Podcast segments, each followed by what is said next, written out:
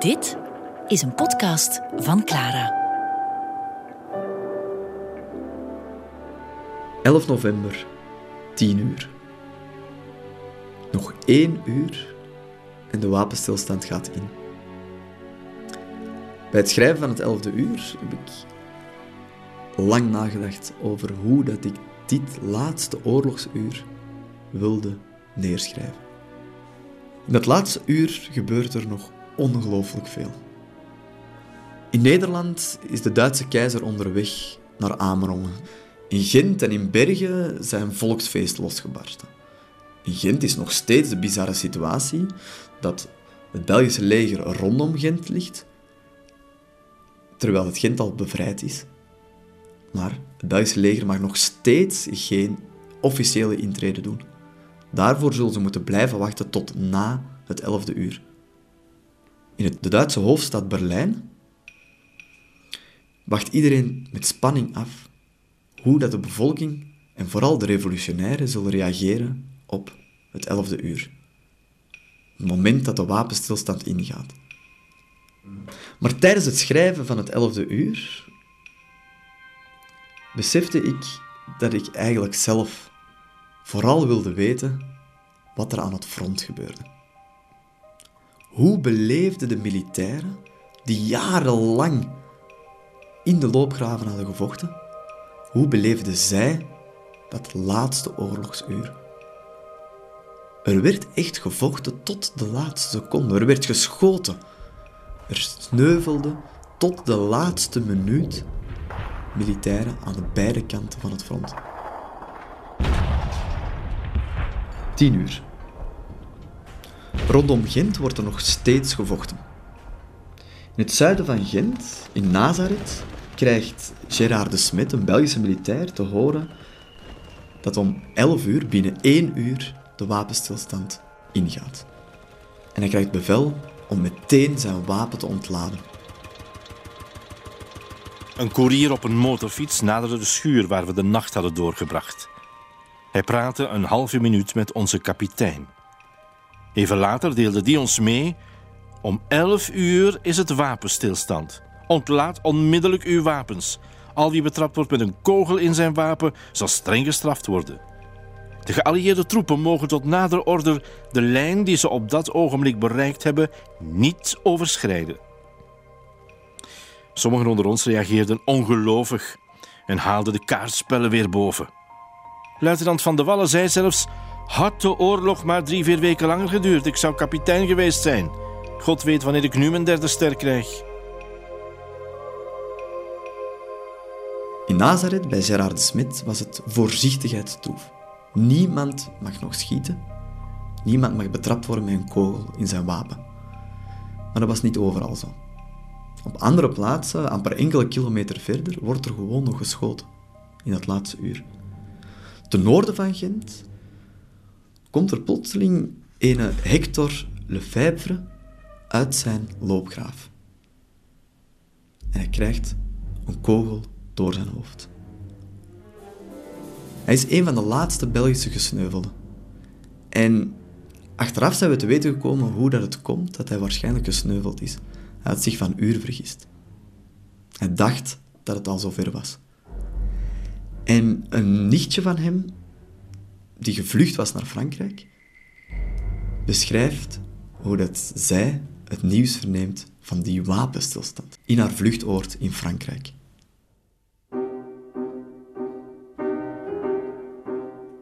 Vier jaar miserie. En nu gedaan. Zoveel volk op straat. Fransen en veel Belgische vluchtelingen. De cafés waren meer dan vol. Er is schoon geld verdiend die dag. En zingen. Ging iemand op een kist staan. Hij had een accordeon mee. La guerre est finie, zong hij zo schoon. La guerre est finie. Dat ventje wist niet waarover hij zong. No zero. Ja, er waren helden. Mensen die deden wat ze moesten doen en die courage hadden. En koude en honger leden. Maar geen helden zoals in zijn liedje. Niemand riskeert zijn leven voor la gloire.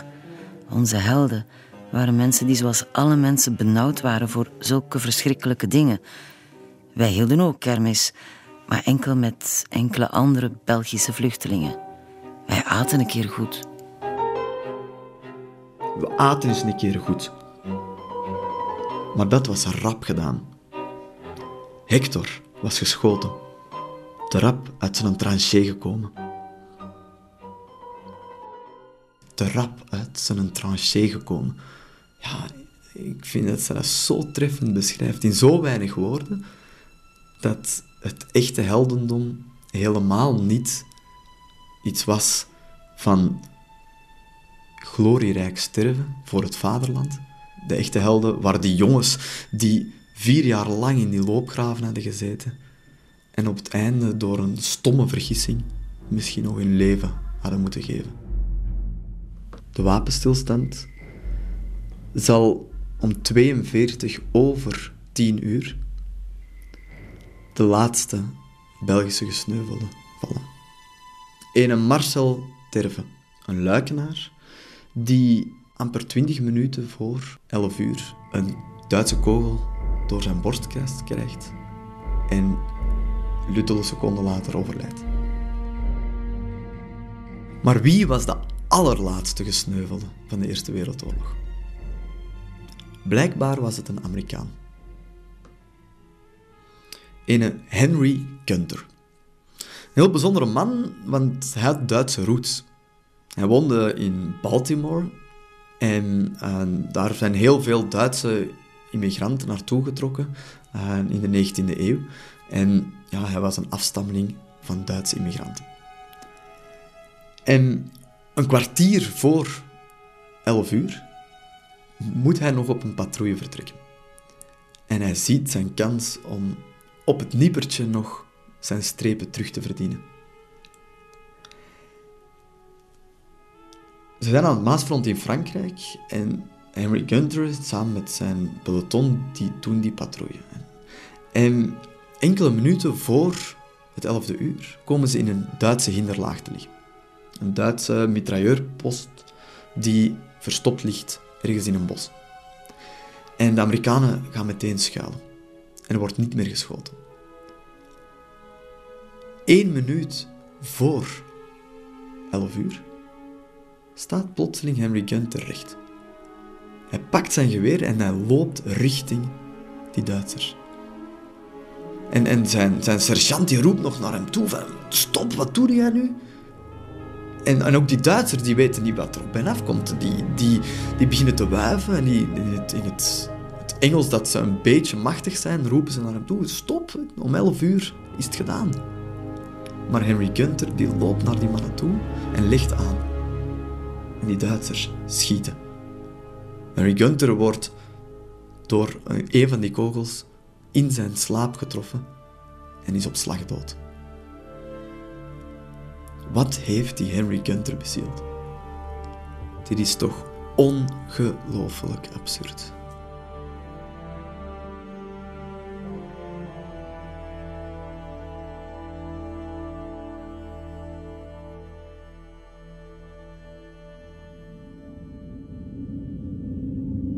Het is bijna 11 uur. In Gerardsbergen vallen er de laatste 10 minuten nog een Franse en Brits slachtoffer. En ondertussen zitten enkele Britten onder leiding van hun kapitein Leslie Walkington te wachten op het oorlogseinde. Ze kijken uit over de Schelde. En ze waren die net overgestoken over een soort van hobbelige pontonbrug. Want uiteraard hadden de Duitsers de laatste bruggen gedynamiteerd op het einde van de oorlog.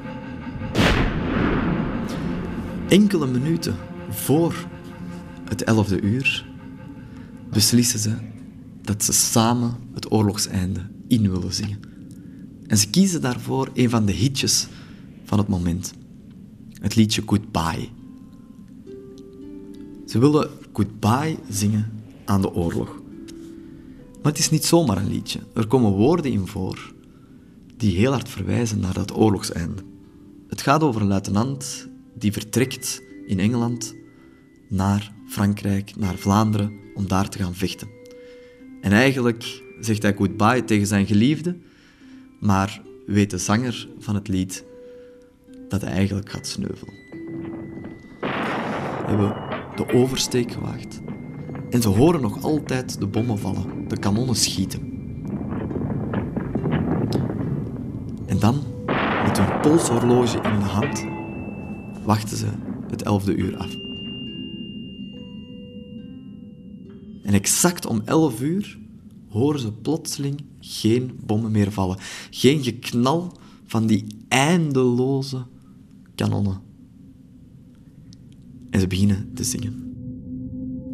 Goodbye, Goodbye, goodbye, wipe the tear, baby dear, from your eye. Though it's hard to part, I I know I'll be tickled to death to tickled go. to death to go. Don't cry, don't sigh. sigh. There's silver There's a lining in silver the sky. lining in the sky.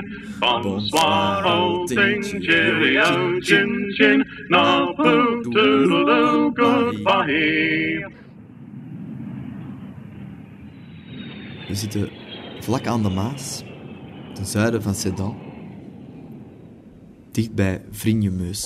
De Fransen zijn daar nog steeds aan het vechten. De bommen gieren nog over, slaan nog overal in. En de kapitein is in paniek. Hij heeft van de Franse opperbevelhebber Ferdinand Foch het telegram gekregen.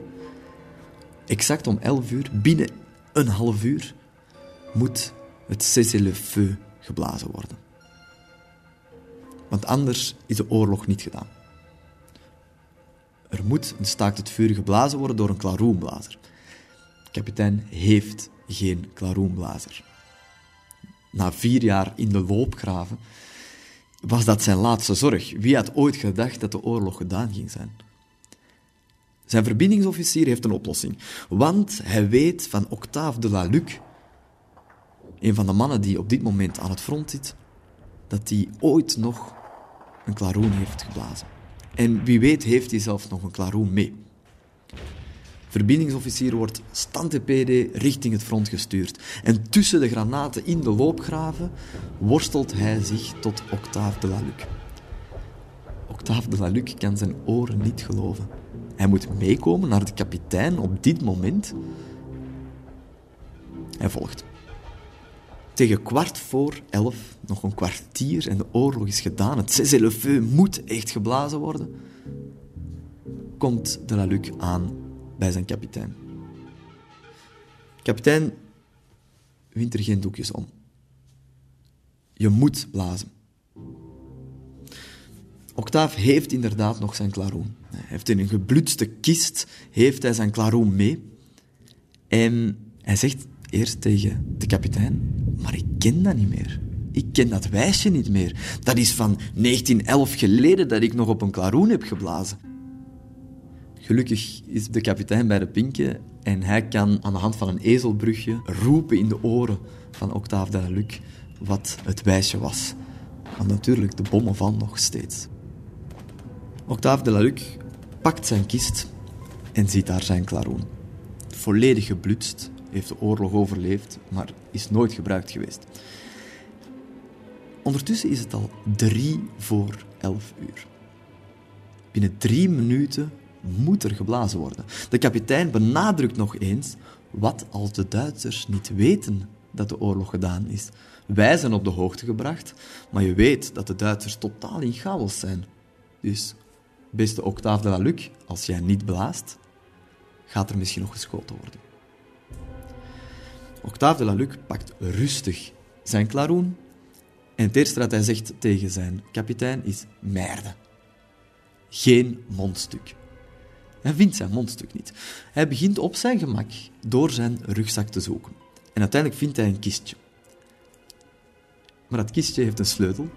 En moet hij nog zitten zoeken naar de sleutel. Ondertussen is het twee voor elf.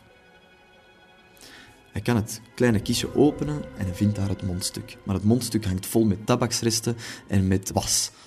Tot grote frustratie van de kapitein begon Octave de la Luc heel rustig die tabaksresten af dat mondstuk te plukken. En om één voor elf uur, dan pas, stond de klaroenblazer klaar om zijn rol in de geschiedenis op te nemen. Het elfde uur slaat en heel voorzichtig blaast Octave de la Luc het deuntje. Hij merkt dat het inderdaad plotseling enorm stil is over het niemandsland. Een tweede keer begint hij te blazen met wat meer durf. Hij toont zijn borstkas al boven de loopgraven en hij blaast het cessez En dan beseft hij, het is hier echt gedaan. De oorlog stopt echt, de bommen stoppen met vallen. Hij hoort ook roepen. Zijn cessez-le-feu, zijn deuntje, wordt beantwoord met feestgevier. Iedereen is blij. En hij denkt, ik heb mijn moment. Hij gaat vol in het niemandsland staan, in vol ornaat, blaast hij als een echte held het einde van de Eerste Wereldoorlog in.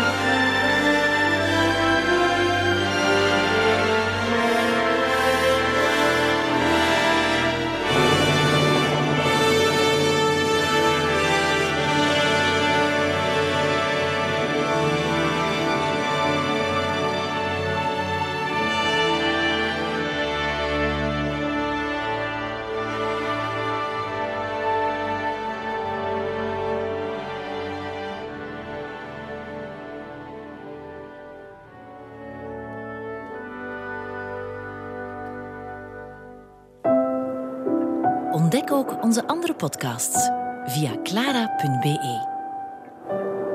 Clara Podcast. Blijf verwonderd.